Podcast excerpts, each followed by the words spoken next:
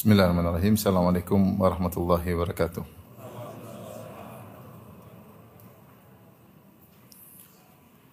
Alhamdulillahi ala ihsani wa syukru lahu ala taufiqihi wa amdinani wa asyhadu an la ilaha illallah wahdahu la syarika lahu ta'ziman li wa asyhadu anna Muhammadan abduhu wa rasuluhu da'ila ridwanih Allahumma salli alaihi wa ala alihi wa ashabihi wa ikhwani. Hadirin dan hadirat, Bapak-bapak dan Ibu-ibu yang dirahmati oleh Allah Subhanahu wa taala, kita lanjutkan bahasan kita dari kitab Al-Adab Al-Mufrad karya Al-Imam Al-Bukhari rahimahullahu taala. Kita masuk pada bab yang ke-10. Bab man adraka walidayhi falam yadkhulil jannah. Tentang orang yang mendapati kedua orang tuanya namun dia tidak masuk surga. Tentang orang yang mendapati kedua orang tuanya namun tidak masuk surga. Al-Imam Al-Bukhari berkata qala haddatsana Khalid bin Makhlad qala haddatsana Sulaiman bin Bilal qala haddatsana Suhail an abihi an Abi Hurairah radhiyallahu anhu dari sahabat Abu Hurairah radhiyallahu anhu anin Nabi sallallahu alaihi wasallam qala dari Nabi sallallahu alaihi wasallam beliau bersabda ragima anfuhu ragima anfuhu ragima anfuhu ragima anfuhu maksudnya uh, ketika hidung tertempel di tanah ya. Gitu tertempel tanahnya di hidung. Menempel uh, menempel apa namanya menempel hidungnya di tanah ya. Menempel hidungnya di tanah menempel hidungnya di tanah menempel hidungnya di tanah. Yaitu rugi terhina maksudnya demikian. Sampai tiga kali Nabi mengulang-ulang. Qalu ya Rasulullah man siapa ya Rasulullah orang tersebut? Qala man adraka walidayhi indahu al-kibar au ahad au ahaduhuma fadkhalan nar yaitu uh, seorang yang mendapati kedua orang tuanya kemudian di masa tua salah satunya atau keduanya kemudian dia masuk neraka jahanam hadis riwayat Muslim dan Tirmizi dan Al Imam Ahmad. Hadis ini menjelaskan tentang meruginya orang yang tidak bisa menggunakan kesempatan besar yang Allah berikan kepadanya yaitu dia masih mendapati kedua orang tuanya terutama kedua orang tuanya di masa di masa jompo. Ya karena berbakti kepada orang tua pahalanya besar terlebih lagi ketika orang tua di masa jompo semakin pahalanya semakin besar. Kenapa? Karena di masa jompo di masa tua yang orang tua sudah tidak kuat lagi maka kebutuhan dia terhadap anak semakin besar ya. Dan semakin besar pahala jika perkaranya demikian. Namun anak ini ternyata tidak bisa masuk surga.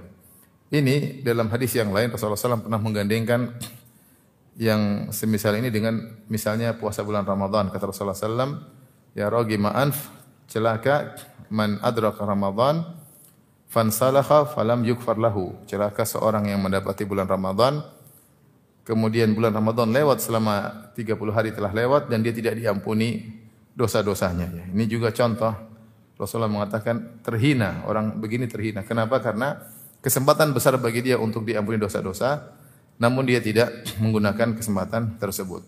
Karena kita tahu bulan Ramadan setiap malam ada janji ampunan.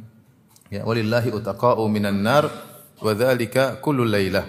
Bagi Allah ada hamba-hambanya Allah bebaskan dari neraka jahanam dan itu berlaku setiap malam bulan Ramadan. Artinya kalau dia tidak diampuni di malam pertama masih ada malam kedua. Kalau dia tidak diampuni malam kedua masih ada malam ketiga. Nah, kalau ternyata 30 hari lewat, 30 malam lewat, ini tidak diampuni maka dia sungguh terhina. Kenapa terhina? Karena kesempatan besar untuk diampuni terbuka di hadapan dia namun dia tidak gunakan manfaat tersebut. Demikian juga halnya seperti ini. Sungguh terhina, sungguh terhina, sungguh terhina. Jadi uh, ragima anfu. Ragam itu maksudnya adalah tanah itu hidungnya tertempel dengan tanah yaitu menunjukkan kehinaan ya. Karena kalau orang merasa tinggi atau eh, dia kepalanya di atas tapi kalau kepalanya tersungkur, hidungnya ter, tertempel dengan tanah berarti dalam kondisi hina. Sungguh terhina, sungguh terhina, sungguh terhina. Siapa? Man adraka walidayhi indahu al-kibar. Siapa yang bertemu dengan kedua orang tuanya, masih mendapati kedua orang tuanya. Dalam riwayat yang lain, indal kibar, itu di masa jompo ya au ahadahuma atau dia masih mendapati salah seorang dari keduanya fadakhala nar kemudian dia masuk neraka kenapa sungguh terhina karena dia tidak menggunakan manfaat yang telah Allah berikan kepadanya. Tidak semua kita mendapati kedua orang tuanya di masa jompo ya.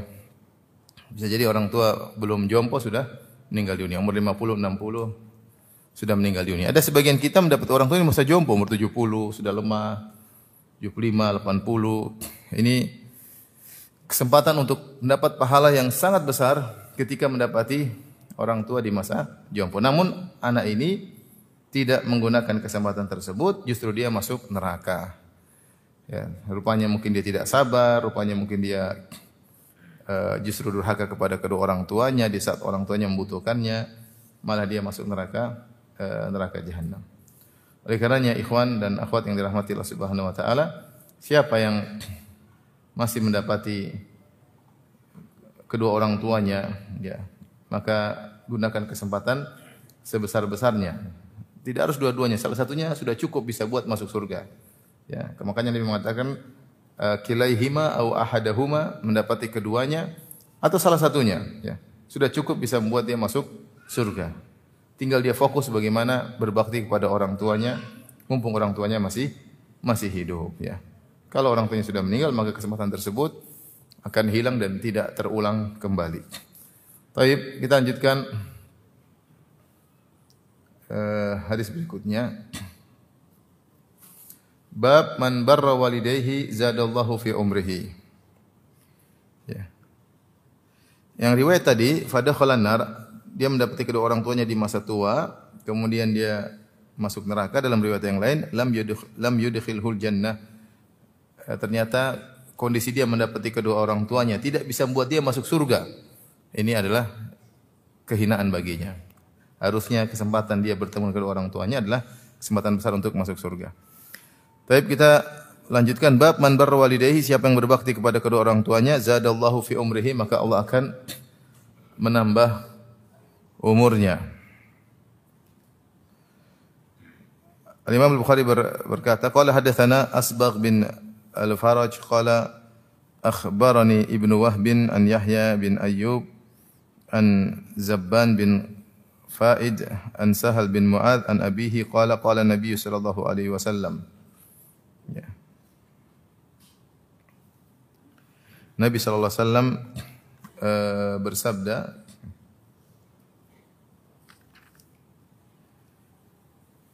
Man barra walidayhi tuba lahu. Siapa yang berbakti kepada orang tuanya, maka keberuntungan baginya. Zadallahu azza wa jalla fi umrihi. Maka Allah akan menambah umurnya. Allah menambah umurnya. Hadis ini e, menjelaskan tentang bagaimana keberkahan berbakti kepada kedua orang tua. Siapa yang berbakti kepada orang tua, dia akan mendapatkan dua model pahala. Model pahala pertama di akhirat, dia akan mendapatkan tuba. Kata Nabi di sini, e, man barra walidayhi tuba lahu. Siapa yang berbakti kepada orang tuanya dia akan mendapatkan tuba. Tuba di sini ada khilaf di kalangan para ulama. Ada yang mengatakan tuba adalah sebuah pohon di surga, ya. Dah kalau dia e, dapat pohon di surga, berarti dia akan masuk surga, ya. Ada yang mengatakan tuba adalah surga itu sendiri. Salah satu nama-nama surga adalah tuba. Ya, surga namanya banyak. Di antara nama-nama surga adalah tuba. Ada yang mengatakan tuba maksudnya kebaikan yang banyak kebaikan yang banyak dan pahala yang besar sebagaimana firman Allah Subhanahu wa taala alladzina amanu wa amilus tuba lahum husnu ma'ab orang-orang yang beriman dan beramal saleh tuba lahum mereka mendapatkan kebaikan yang banyak dan kesudahan tempat kembali yang baik ini adalah ganjaran akhirat siapa yang berbakti kepada orang tua akan masuk apa surga entah masuk surga entah mendapatkan pohon di surga entah mendapatkan kebaikan ganjaran yang besar di surga dan ternyata berbakti kepada orang tua bukan hanya mendapatkan ganjaran ukhrawi, tetapi juga mendapatkan ganjaran duniawi. Kata Nabi selanjutnya, zadallahu azza wa jalla fi umrihi. Allah menambah uh, umurnya, Allah menambah umurnya. Uh, ini hadis ya, akan tapi hadis ini secara sanad adalah dhaif ya karena pada perawinya ada yang bernama Zabban bin Faid, Zabban bin Faid Al-Misri Al-Hamrawi dhaif ya. Didaifkan oleh banyak ulama, kata Imam Ahmad, hadithuhu manakir, hadisnya hadis yang mungkar. Kemudian dia pun tafarrad, dia bersendirian meriwayatkan dari Sahal bin Mu'adz. Ya. Tidak dijadikan hujjah ya. Uh, di antara perkataan Al-Hafidz Ibnu Hajar rahimahullahu taala beliau berkata Zabban bin Faid dhaiful hadis ma asalahihi wa ibadatihi. Dia perawi yang dhaif padahal dia orang yang soleh dan rajin beribadah. dia perawi yang dhaif padahal dia orang soleh dan rajin apa? Beribadah. Karena ini masalah meriwayatkan uh, hadis bukan hanya terlihat pada kesolehan tetapi perlu dilihat pada keakuratan hafalannya ya. Bisa jadi ada orang soleh tapi hafalannya tidak akurat. Lupa catatannya mungkin salah. Soleh soleh ya. Tidak pernah bohong tidak pernah ngibulin orang rajin sholat selalu di saf pertama. Tetapi untuk meriwayatkan hadis ukurannya bukan soleh saja tetapi harus punya kesikohan. Itu akurat dalam menukilkan hadis-hadis. Nah Zabban bin Faid ini kata Hafidz bin Hajar dalam Takribut Tahdzib beliau menyimpulkan dhaifun hadis dhaiful hadis. Kalau meriwayatkan hadis dia dhaif. Ma'a salahi wa ibadi. Padahal dia orang yang soleh dan rajin ber, beribadah. Orang yang soleh dan rajin ber, beribadah. Demikian juga uh, perawi kedua yang bermasalah Sahal bin Muadz para ahli hadis mengatakan la ba'sa bihi illa fi riwayati Zabban anhu. Dia sebenarnya hadisnya tidak mengapa hanya saja kalau yang meriwayatkan dari dia adalah Zabban maka riwayatnya lemah. Ini hadis ini lemah. Hadis ini lemah secara sanad. Tetapi secara matan maknanya benar. Secara matan maknanya benar. Karena siapa yang berbakti kepada kedua orang tua maka pintu surga terbuka baginya sebagaimana telah kita bahas pada hadis-hadis sebelumnya tentang keutamaan berbakti kepada kedua orang tua. Kemudian juga uh, itu terkait ganjaran ukhrawi, terkait ganjaran duniawi bahwasanya kalau berbakti kepada orang tua akan menambah umur ya. Maka itu juga maknanya benar ya. Berdasarkan hadis yang masyhur ya, hadis riwayat Bukhari dan riwayat Muslim kata Nabi sallallahu alaihi wasallam man sarrahu an yubsata lahu fi rizqihi wa yunsa'a lahu fi athari falyasil rahimah. Siapa yang ingin dilapangkan rezekinya dan dipanjangkan umurnya, maka hendaknya dia menyambung silaturahmi. Ini hadis sahih riwayat Bukhari dan Muslim. Siapa yang menyambung silaturahmi, siapa yang ingin uh, dipanjangkan umurnya, dilapangkan rezekinya, maka hendaknya dia menyambung silaturahmi. Ini dalil yang sangat tegas bahwasanya menyambung silaturahmi, menambah rizki dan menambah umur. Dan di antara silaturahmi terbesar adalah berbakti kepada kedua orang tua. Ini contoh hadis secara sanad dia dhaif namun secara matan dia dikuatkan dengan hadis-hadis yang lain. Tentu kita tidak bersandar dengan hadis ini. Cuma kita katakan maknanya benar. Bahwasanya berbakti kepada kedua orang tua mendatangkan dua pahala. Pertama, pahala ukhrawi yaitu surga. Yang kedua, ganjaran duniawi yaitu dipanjangkan dipanjangkan umur, dipanjangkan umur. Uh, bahkan demikian ada hadis juga yang yang lebih yang sahih dan lebih fokus lagi dari Salman secara marfu Rasulullah SAW bersabda la yazidu fil umr ilal bir tidak menambah umur kecuali seperti berbakti kepada kedua orang tua. Artinya di antara uh, sebab utama untuk menambah umur seseorang adalah berbakti kepada kedua orang tua. Jika silaturahmi secara umum kita berbuat baik kepada kakak, berbuat baik kepada adik, kepada tante, kepada bibi, kepada sepupu, pada ponakan, kita bisa ditambah rizki dan umur, apalagi kalau berbakti kepada kedua orang tua. Ya. Nah, bertambah umur, ya. maksudnya apa? Maka ada beberapa pendapat di kalangan para ulama, ya. E, namun secara umum dua dua pendapat. Pendapat pertama mengatakan bertambah umur maksudnya adalah umurnya tetap namun diberkahi. Umurnya tetap namun diberkahi. Artinya umurnya tidak terbuang-buang. Umur usianya semua digunakan untuk beribadah kepada Allah. Ya, umur dia tidak berubah, cuma yang ditambah keberkahan. Ketika ditambah keberkahan umurnya seakan-akan umurnya ditambah. Jadi ini makna majazi. Pendapat pertama di kalangan para ulama mengatakan ini maksudnya makna majazi ya. Dia umurnya tidak ditambah. Artinya kalau dia meninggal 60 tahun, 60 tahun. Tetapi ketika setelah dia berbakti sama orang tua, umurnya berkah. Dia umroh, dia baca Quran, dia berbuat baik, dia tidak buang usianya untuk eh, hal-hal uh, yang buruk ya. Karena orang yang menggunakan usianya pada hal yang buruk pada dasarnya dia membuang-buang apa? umurnya. Pada dasarnya dia membuang umurnya. Ini benar. Pendapat kedua menyatakan bahwasanya memang ditambah umurnya, memang ditambah umurnya karena uh, Allah bisa merubah catatan malaikat. Di antara catatan takdir adalah takdir takdir al-umri. Takdir al-umri yaitu catatan malaikat. Dalam hadis ketika uh, sudah ditiupkan ruh kepada janin, kata Nabi Fariyur salu ilaihi malak, maka dikirimkanlah malaikat kepada janin tersebut. Fayu'maru bi arba'i kalimat. Kemudian malaikat disuruh catat empat perkara di antaranya bikat birizkihi wa ajalihi. Disuruh catat rizkinya berapa dan ajalnya berapa. Ini catatan malaikat. Malaikat catat. Kemudian setelah dia besar, anak ini, janin ini setelah besar, jadi orang dewasa, dia berbakti sama kedua orang tuanya. Maka Allah menyuruh malaikat untuk merubah catatan tersebut. Disuruh dirubah yang umurnya sekian disuruh tambah, dan rezekinya sekian disuruh tambah. Dan itulah yang Allah isyaratkan dalam surat Ar-Ra'd kata Allah, "Yamhullahu ma yasha'u wa yuthbit wa indahu umul kitab." Allah Subhanahu wa taala menghapus yang Allah kehendaki dan Allah menetapkan apa yang Allah kehendaki dan di sini ada Lauhil Mahfuz yang tidak pernah berubah.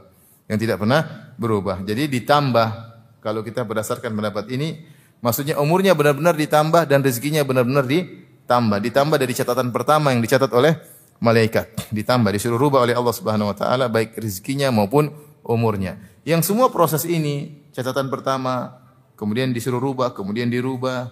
Ini semua prosesnya sudah tercatat di Lauhil Mahfuz, sudah tercatat di Lauhil Mahfuz. Ini uh, pendapat kedua. Pendapat ketiga ada yang mengatakan saya uh, apa namanya pendapat sebagian ulama uh, bahwasanya uh, malaikat mencatat dengan dua kemungkinan. Kalau dia berbakti sama orang tua, rezekinya sekian. Kalau tidak berbakti, rezekinya sekian. Kalau dia berbakti sama orang tua, umurnya sekian. Kalau tidak, sekian. Dan malaikat tidak tahu apa yang akan diambil keputusan oleh janin ini. Yang Allah yang lebih tahu. Namun saya kurang setuju dengan pendapat ini. Intinya, uh, saya lebih condong pada pendapat kedua, bahwasanya benar-benar umur ditambah secara hakikat dan rezeki benar-benar ditambah bukan hanya sekedar diberkahi, bukan hanya sekedar di berkahi. Oleh karena kita dapati sebagian orang ketika dia berbakti sama orang tua, rezekinya belum ditambah. Rezekinya benar-benar ditambah. Kita dapati orang-orang yang suka berbakti sama orang tuanya, rezekinya banyak. Rezekinya banyak. Benar-benar Allah rubah rezekinya dari sedikit menjadi menjadi banyak. Kalau kita teliti sebabnya apa? Karena dia berbakti kepada orang tuanya. Dia perhatian sama orang tuanya. Selalu menyenangkan hati kedua orang tuanya. Bersabar dengan uh, mungkin kesalahan-kesalahan orang orang tuanya. Kenyataan membuktikan bahwasanya orang yang perhatian sama orang tuanya maka akan ditambah apa? rizkinya secara hakikat bukan sekedar majaz. Wallahu alam bisawab.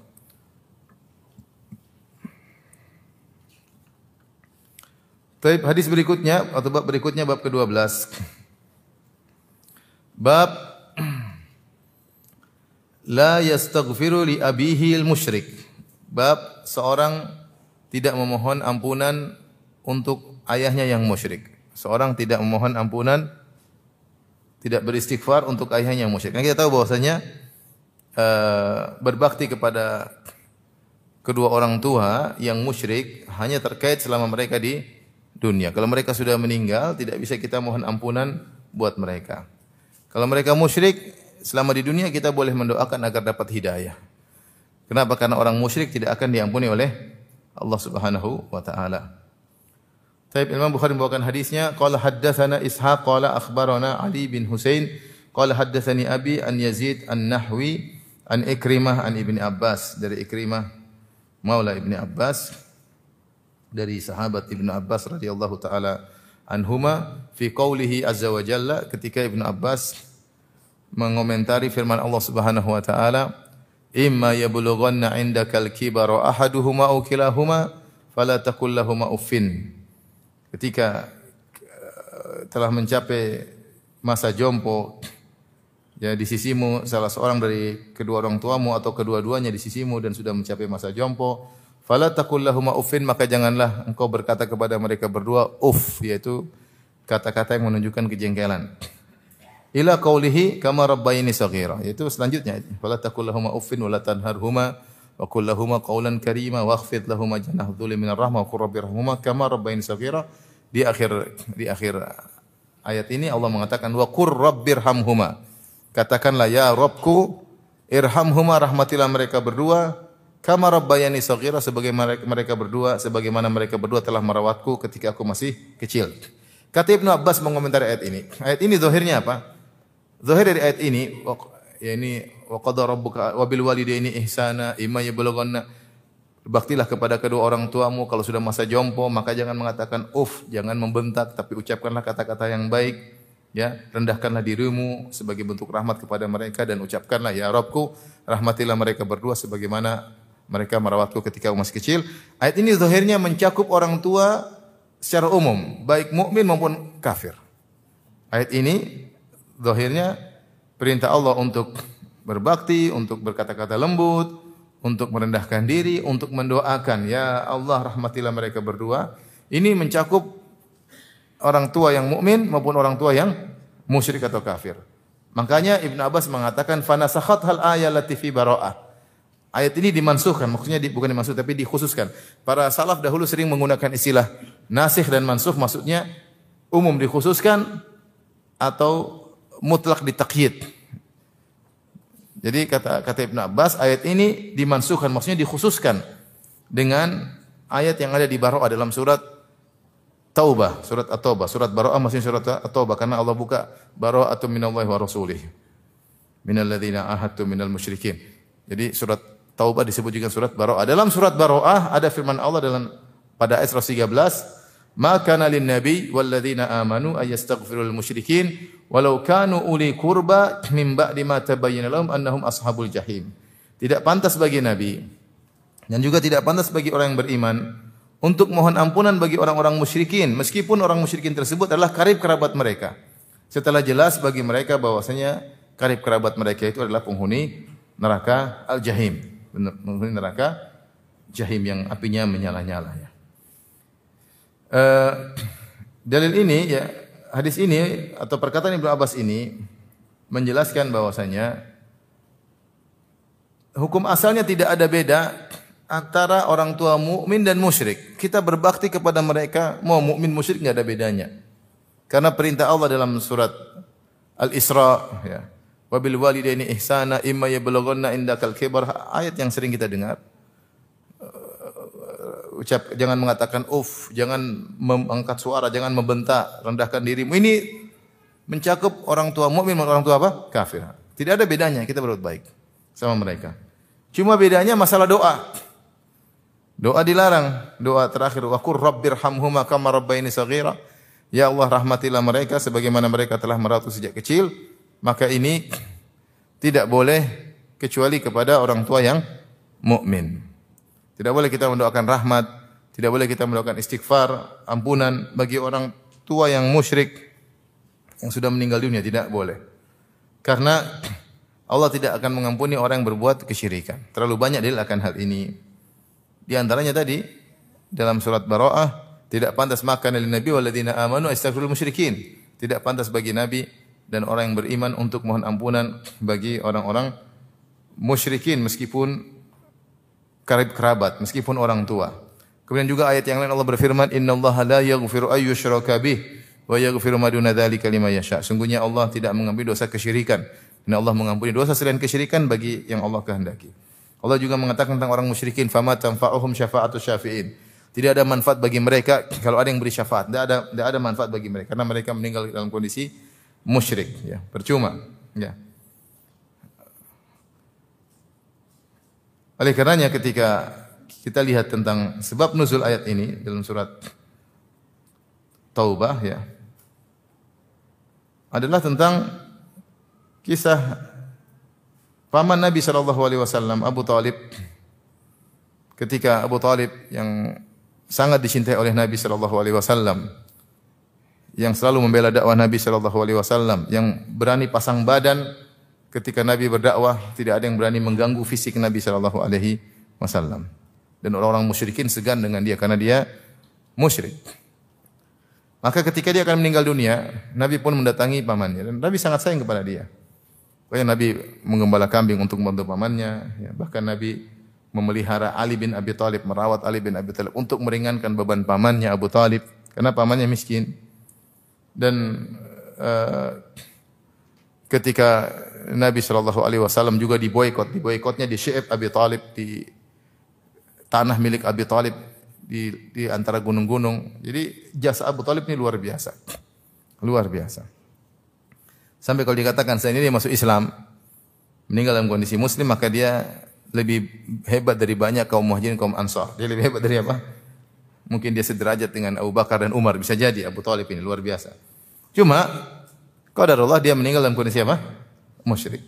Ketika dia akan meninggal, maka Nabi SAW mendatanginya, menasihatinya dengan mengatakan, Ya ammi kulla ilaha illallah, kalimatan uhaju laka biha indallah. Wahai pamanku ucapkan la ilallah, aku akan bela engkau di hadapan Allah dengan perkataan. Cuma bilang aja la ilaha illallah, ucapin aja. Abu Talib mungkin mau mengucapkan, tahu-tahu di situ ada Abu Jahal. Abu Jahal mengatakan, Atarghabu an millati Abdul Muttalib, wahai Abu Talib, apakah engkau benci dengan agama bapakmu Abdul Muttalib? Nabi mengulangi, "Ya ammi la ilaha illallah kalimatan uhajju laka biha indallah." Wahai pamanku, ucapkanlah kalimat la ilallah. Aku akan bela engkau di hadapan Allah Subhanahu wa taala. Fa'ada maka Abu Jahal ulangi lagi, "Atarghabu an millati Abdul Muttalib." Kau benci dengan agama bapakmu? Fa aba an yaqul la ilaha Akhirnya Abu Talib tidak mau mengucapkan la ilaha akhirnya meninggal dalam kondisi musyrik. Ketika meninggal dalam kondisi musyrik, maka Nabi SAW sedih. Maka Nabi mengatakan, la astaghfiruna laka la astaghfiruna laka ma lam unha anka atau an dzalik. Sungguh kata Nabi, aku akan mohon ampunan bagimu selama aku tidak dilarang. Selama aku tidak dilarang. Jadi Nabi pingin dia diampuni. Ini paman yang sangat dia cintai, tapi Allah larang, Allah turunkan ayatnya dalam surat At-Taubah, "Maka nalin nabi walladzina amanu ayastaghfirul musyrikin." Tidak pantas bagi nabi, jadi tidak boleh. Tidak boleh bagi nabi dan orang beriman untuk mohon ampunan bagi orang musyrikin meskipun walau kanu uli kurba meskipun karib kerabat meskipun meskipun orang tua sendiri meskipun jasanya besar ya. jasa Abu Talib sama Nabi tidak ada yang bisa menandingi jasa Abu Talib sama Nabi ya. Nabi masih yatim yang ngurus pamannya ya. siapa yang bisa menyamai jasa Abu Talib yang ngurus Nabi masih kecil yang membela dakwah Nabi ya rela mati membela Nabi, pasang badan dan seterusnya. Meskipun jasanya begitu besar, Nabi dilarang untuk mendoakan ampunan baginya karena ini aturan ilahi, aturan Allah Subhanahu wa taala. Meskipun dia sangat baik tapi dia adalah seorang yang musyrik menduakan Allah Subhanahu wa taala, mensekutukan Allah Subhanahu wa taala. Maka tidak boleh siapa pun orang yang sangat baik di alam semesta ini kalau musyrik tidak boleh kita doain Semoga Allah mengam, mengampuninya. Tidak boleh. Ya. Makanya sering terjadi perdebatan di kalangan kaum muslimin ketika ada seorang kafir yang punya jasa besar terhadap Islam. Ya, seperti beberapa kejadian ramai di di negara-negara Arab. Ada seorang wartawan Nas, Nasrani, perempuan Nasrani, tapi dia suka membela saudara-saudara kita di Palestina. Wartawan Nasrani, kemudian dia suka membantah orang-orang Israel dan suka membela kaum muslimin di Palestina. Kemudian dia meninggal, terkena tembakan dia meninggal. Ini heboh gitu sebagian kaum muslimin sholat goib, ada yang sholat sehingga terjadi ini jasanya besar ya repot ya. Tapi hukumnya nggak boleh. Hukumnya nggak boleh. Hukumnya nggak nggak boleh. Dan selalu begitu. Kalau ada orang kafir yang punya jasa besar, sebagian orang mendoakannya padahal hukumnya tidak tidak boleh ya. Dan ada sebagian ulama yang mungkin kelepasan salah ngomong ya. Ketika ada Paus Paulus meninggal ya. Kemudian ada yang mendoakan semoga Allah merahmati Paus Paulus ya. Karena keikhlasannya dalam dakwahnya. Subhanallah. Ini diucapkan oleh seorang ulama, semoga Allah ampuni ulama tersebut. Dia salah ngomong. Ya, mungkin dia pingin apa, nggak tahu. Akhirnya, saya zaman kuliah sempat dan sampai sekarang masih ada. Dia ucapkan demikian. Semoga Allah merahmati Paus apa? Paulus karena keikhlasannya dalam berdakwah. Keikhlasan berdakwah dalam kesyirikan. Ikhlas dalam kesyirikan. Ya, kita ketika berhadapan dengan syariat, ya, kita uh, tidak memakai artinya kita mengedepankan syariat daripada akal dan perasaan. Daripada akal dan dan perasaan, ya. Lihat Abu Talib jasanya begitu besar tapi Nabi SAW dilarang. Demikian juga orang tua. Orang tua kalau meninggal musyrik, tidak boleh kita doakan. Dan saya sering ditanya, sering ditanya oleh sebagian orang yang mu'alaf, Ustaz, bapak saya dulu baik, Ustaz ibu saya dulu baik, saya nggak boleh doain ayo. Nggak boleh saya bilang, musyrik. Jadi dia sedih. Saya bilang subhanallah Allah mentakdirkan. Allah mentakdirkan apa yang kau rasakan dirasakan oleh sebagian para nabi. Nabi Ibrahim sedih enggak bapaknya kafir? Meninggal dalam kondisi kafir, Nabi Ibrahim dilarang untuk mendoakan ampunan bagi apa? Ayahnya. Apa yang kau rasakan pernah dirasakan oleh Nabi Ibrahim alaihissalam. Demikian juga ketika Nabi SAW dalam Sahih Muslim minta izin untuk mohon ampunan bagi ibunya, Allah melarang. Akhirnya Nabi minta izin untuk menziarahi kuburannya, maka Allah mengizinkan. Nabi menangis. Wa abkaman haulahu dan sahabat juga ikut nangis karena Nabi SAW menangis. Artinya kau sedih, tapi ada orang-orang sebelum engkau yang telah diuji dengan apa yang kau kau rasakan. Itu hikmah Allah. Ya, aturan ilahi tidak bisa kita langgar ya. Eh, dan tentu sedih seorang tahu bagaimana baiknya orang tuanya, ya, kemudian meninggal dalam kondisi musyrik, aturannya tidak boleh dia mohon ampunan bagi orang tuanya yang yang musyrik. Taib, kita lanjutkan bab berikutnya. Bab birril walidi al musyrik. Bab tentang eh, berbuat baik atau berbakti kepada orang tua yang musyrik. Al Imam Al Bukhari membawakan hadisnya. Beliau rahimahullah berkata, "Qala haddatsana Muhammad bin Yusuf, qala haddatsana Israil, qala haddatsana Simak an Mus'ab bin Sa'ad an abihi Sa'ad bin Abi Waqqas radhiyallahu taala anhu." Hadis ini terkait dengan sahabat Sa'ad bin Abi Waqqas radhiyallahu anhu qala beliau berkata nazalat fiyya arba'u ayatin min kitabillah taala. Kata Sa'ad bin Abi Waqqas ada empat ayat turun terkait dengan diriku. Subhanallah. Ayat Allah turunkan ayat terkait dengan apa? Sa'ad bin Abi Waqqas. Bagaimana para sahabat iman mereka tidak kuat? Allah Tuhan pencipta alam turunkan ayat terkait dengan masalah dia. Ya. Makanya di antara hal yang sulit kita untuk dan tidak bisa menandingi imannya para sahabat. Di antaranya mereka hidup dengan ayat-ayat yang turun terkait dengan apa? Mereka. Mereka salah ditegur oleh Allah Subhanahu wa taala. Mereka melihat Nabi bagaimana mempraktikkan ayat tersebut dan ayat-ayat turun tentang mereka. Artinya mereka berinteraksi dengan Allah Subhanahu wa taala menurunkan ayat terkait dengan apa? Dengan mereka. Bahkan saat bin Waqqas mengatakan ada empat ayat turun tentang apa? Tentang saya.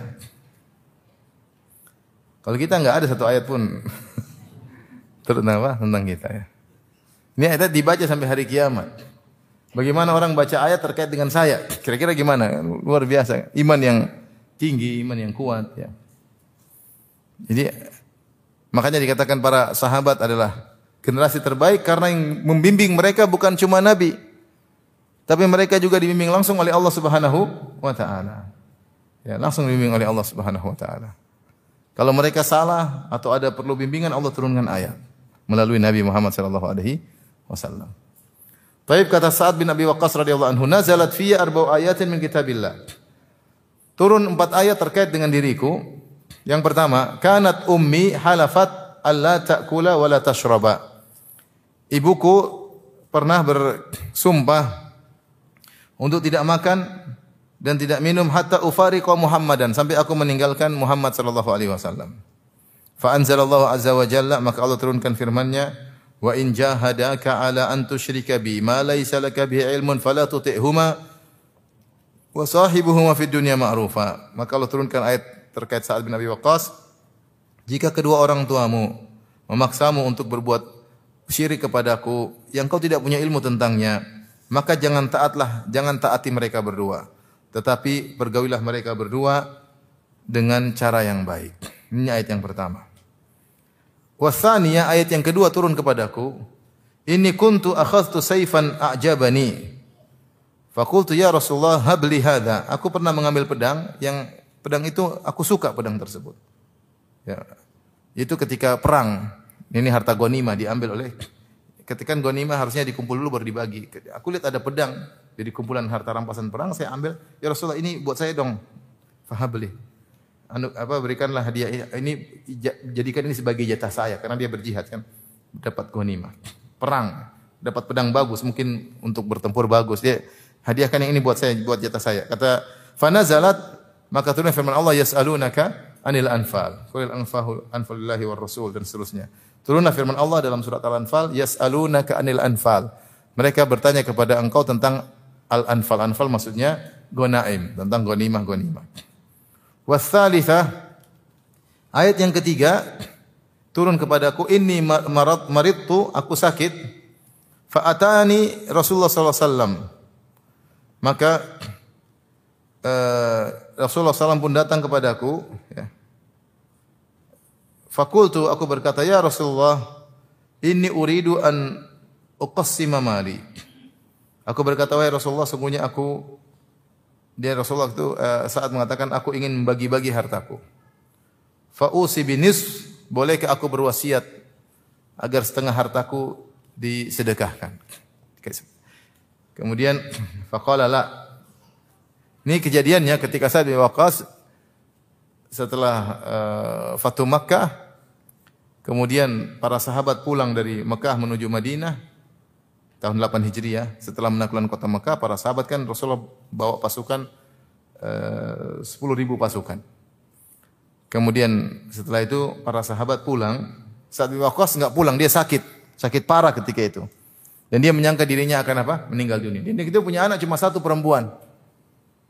Maka dia bilang, daripada anak saya sudah, dia mengatakan, ya Rasulullah, bagaimana kalau saya bagi-bagi hartaku? Ya, saya ingin bagi setengah. Kata Nabi, la, tidak boleh. Jangan berwasiat dengan setengah harta. Fakultu asulus, bolehkah saya berwasiat sepertiga hartaku? Fasa kata Rasulullah SAW diam, fakana sulus ba'dahu jaizan. Maka setelah itu boleh berwasiat sepertiga dari harta untuk disedekahkan Sebabnya gara-gara Sa'ad bin Abi Waqqas. Kemudian Nabi mengatakan, la'allaka an tukhallaf. Bisa jadi Rasulullah ketika saat ber, berwas, minta wasiat gitu, bolehkah setengah, boleh dua per tiga, enggak boleh, setengah enggak boleh, sepertiga, fasulus wasulus kathir. Kata Nabi sepertiga boleh, tapi sepertiga juga sudah sudah banyak. Sehingga para ulama mengatakan dianjurkan kalau berwasiat kurang dari sepertiga. Karena sepertiga sudah banyak. Kenapa? Agar kita berwasiat kurang dari sepertiga agar menyisakan yang cukup untuk anak keturunan yang kita tinggalkan. Ternyata saat bin Waqqas Nabi mengatakan bisa jadi kau dipanjangkan umurnya. Ternyata benar Sa'ad bin Waqqas akhirnya panjang umur. Kemudian anaknya banyak. Setelah itu ternyata saya lupa 10 atau berapa. Saya pernah bahas yang Sa'ad bin Waqqas. Jadi ternyata dia sudah menyangka bakalan meninggal ternyata Rasulullah mengatakan mungkin kau akan umur panjang. Ternyata benar umur panjang dan anaknya banyak. Kalau anaknya banyak berarti istrinya juga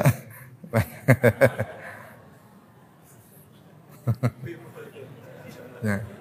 Jangan ribut ya. Tenang, tenang. Warabi'ah, jadi Allah alam yang ketiga ini eh, ya, yang keempat warabi'ah.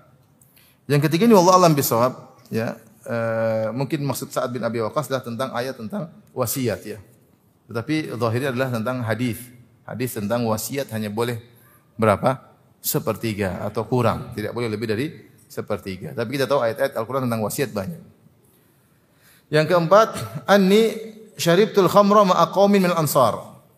Aku pernah minum khamar sama sekelompok kaum ansar. Ini sebelum diharamkannya apa?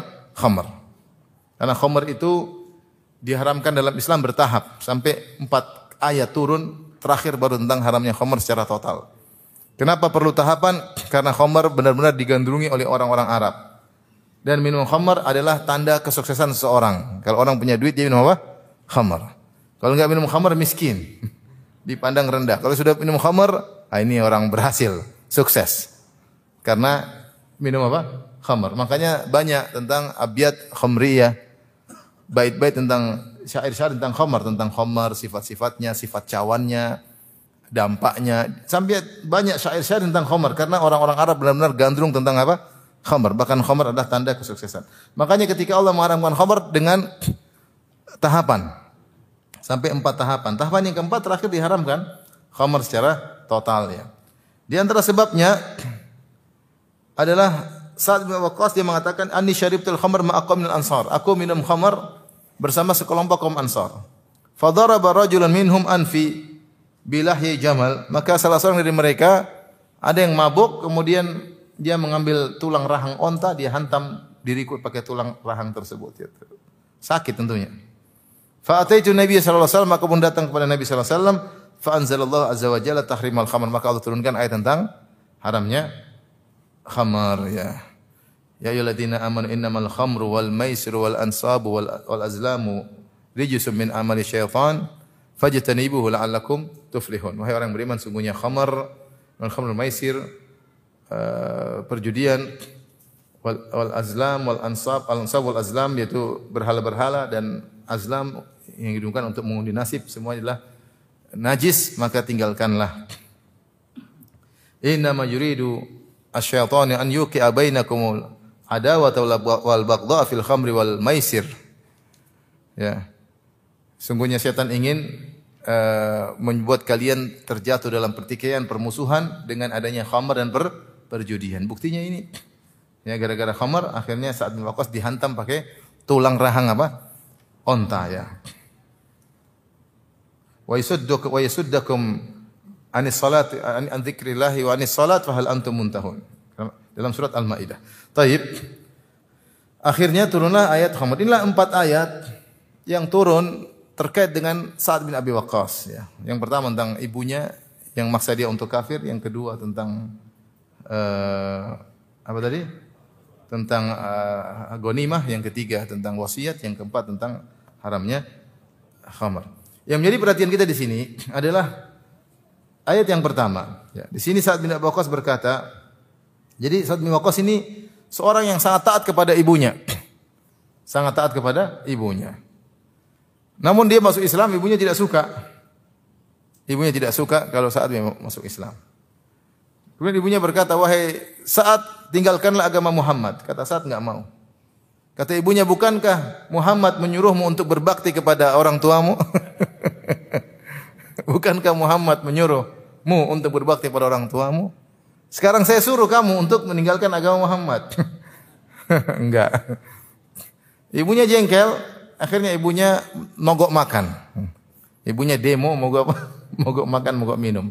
Ini di antara hal yang berat dihadapi para sahabat. Sebagian para sebagian sahabat ketika masuk Islam disiksa secara fisik. Ini antara mereka ada yang disiksa secara mental. Seperti saat Waqqas, perang mental nih. Ibunya apa namanya?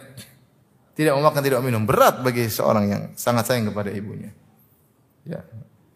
Sebagaimana seperti Musa bin Umair yang tadinya orang tuanya sangat sayang kepada dia, bajunya import, sendarnya import, ya. didatangkan dari Syam, didatangkan dari Yaman, parfumnya luar biasa dari kejauhan sudah tercium aromanya Musa bin Umair. Ketika dia masuk Islam semuanya diberhentikan.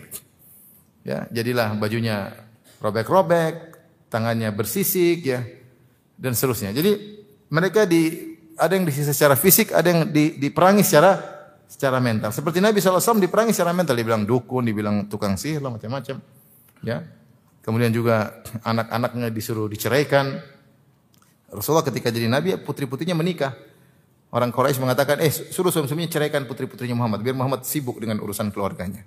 Kalau mereka mau menceraikan putri Muhammad, kami akan nikahkan dengan wanita mana saja yang mereka mau. Dan akhirnya Ruqayyah dan Ummu Kulthum dicerai. Jadi maksud saya, ada perang mental ketika itu di antaranya yang dialami oleh Sa'ad bin Abi Waqqas.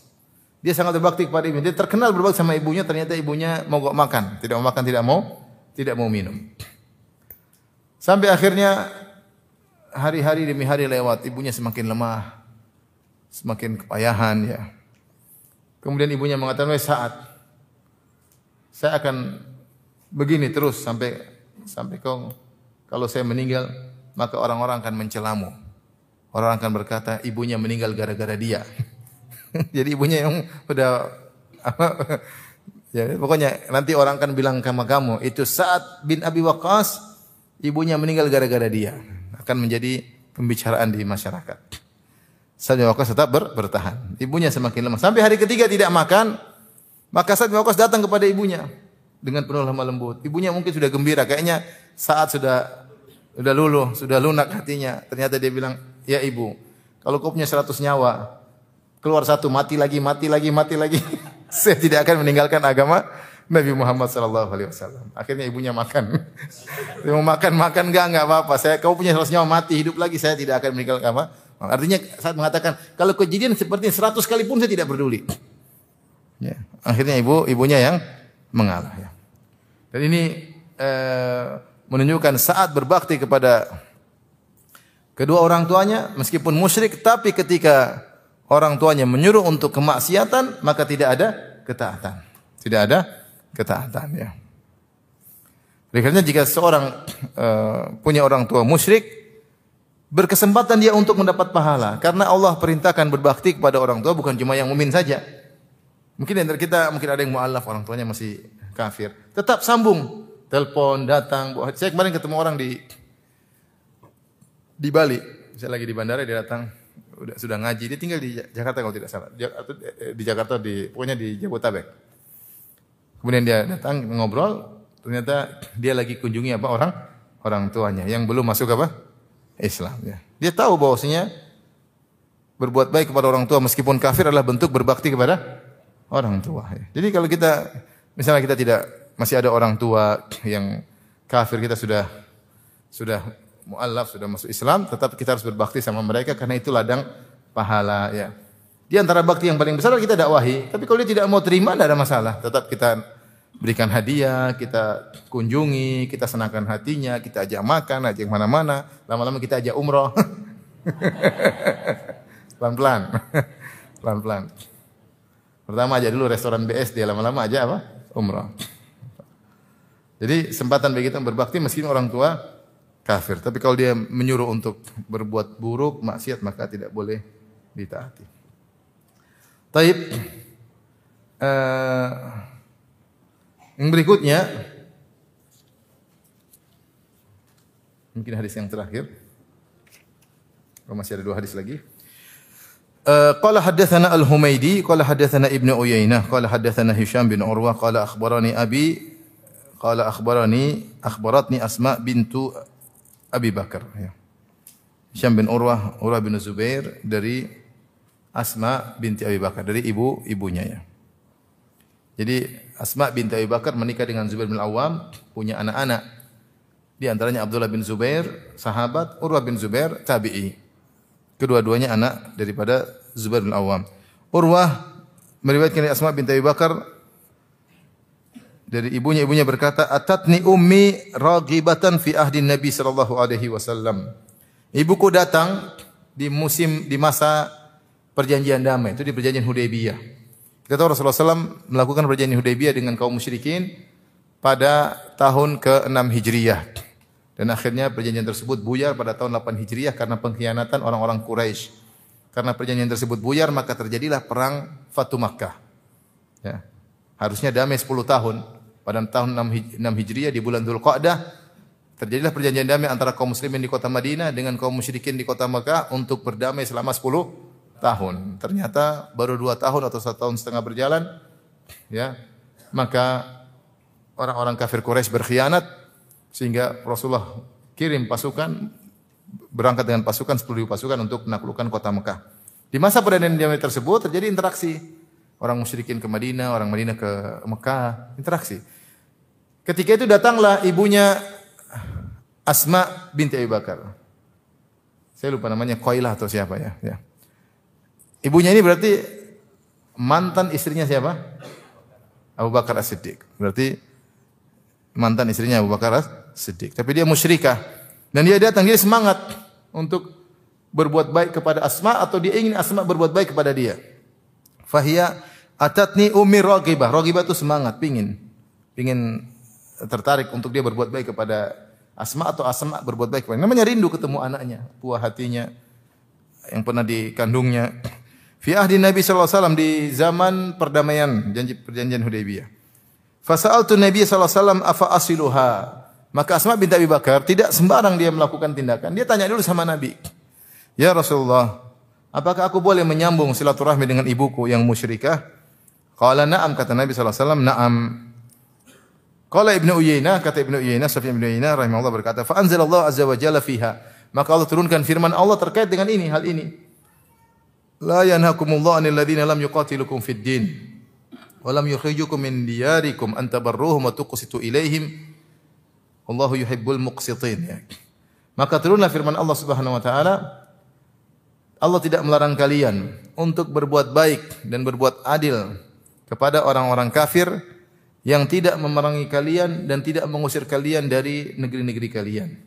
Sungguhnya Allah Subhanahu wa taala Innallaha yuhibbul muqsitin, sungguhnya Allah mencintai orang-orang yang berbuat berbuat adil. Uh, yang menjadi perhatian kita dalam hadis ini bahwasanya Nabi tetap menyuruh Asma uh, menyuruh Asma binti Abu Bakar untuk berbakti kepada ibunya yang apa? musyrik. Ya. Untuk ber berbakti kepada ibunya yang musyrik. Ini dalil bahwasanya berbakti kepada orang tua ayah yang musyrik atau ibu yang musyrikah termasuk bentuk silaturahmi dan termasuk bentuk berbakti kepada orang tua dan pahalanya pahalanya besar. Dan dia masuk dalam keumuman ayat yang dalam surat Al-Isra wa bil walidaini ihsana berbaktilah kepada orang tua dengan berbakti sebakti-baktinya selama mereka tidak menyuruh untuk berbuat uh, kemaksiatan.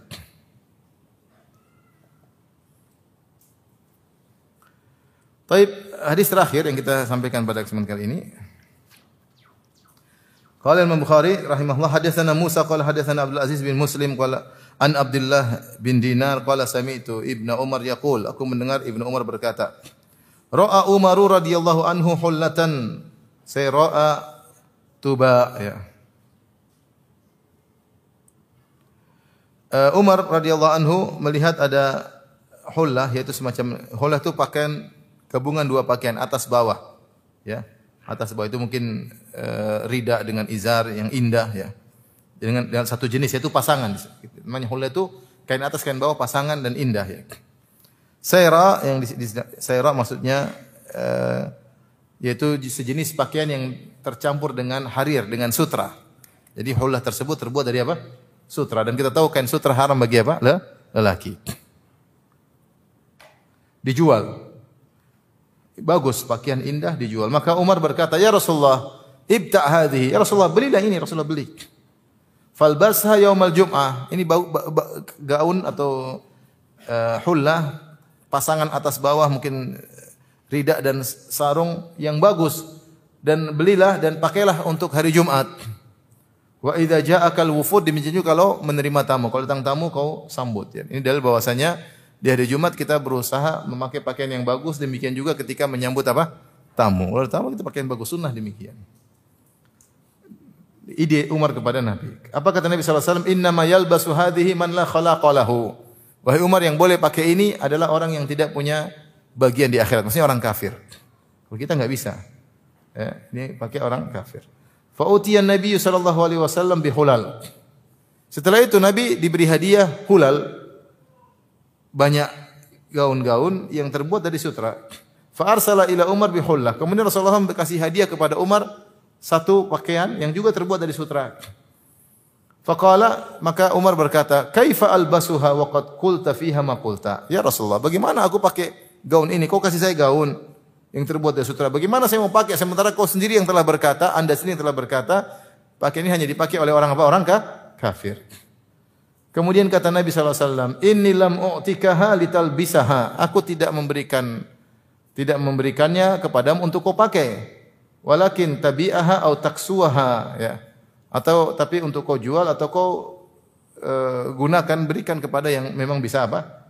Pakai ya. Fa arsala biha Umar ila akhin lahu min ahli Makkah qabla an yuslim. Maka akhirnya Umar tidak pakai, dia kirim gaun tersebut kepada saudaranya bisa jadi kalau tidak salah saudara sesusuan ya. Atau saudaranya, ini kerabatnya di Mekah sebelum masuk Islam, sebelum orang itu masuk masuk Islam ya. Jadi ini dalil bahwasanya uh, menyambung silaturahmi bukan hanya kepada kedua orang tua yang musyrik atau kafir, bahkan kepada kerabat yang masih kafir pun kalau dia kerabat kita kita bisa menyambung uh, silaturahmi. Dalam riwayat disebutkan uh, qaribun min ummihi yaitu uh, saudara seibu, saudara se seibu. Dan bisa jadi wa yumkin an yakuna akhahu min ar Bisa juga saudara seperti ada dua kemungkinan disebut oleh uh, pensyarah hadis. Bisa jadi saudara yang dimaksud saudara seibu tapi musyrik atau saudara sesuan tapi musyrik. Intinya uh, Umar berbuat baik kepada kerabatnya yang musyrik. Baik demikian saja masih banyak waktunya terbatas. Kita lanjutkan kesempatan yang lain. Subhanakallah bihamdik asyhadu an la ilaha illa anta astaghfiruka wa atubu ilaik. Assalamualaikum warahmatullahi wabarakatuh.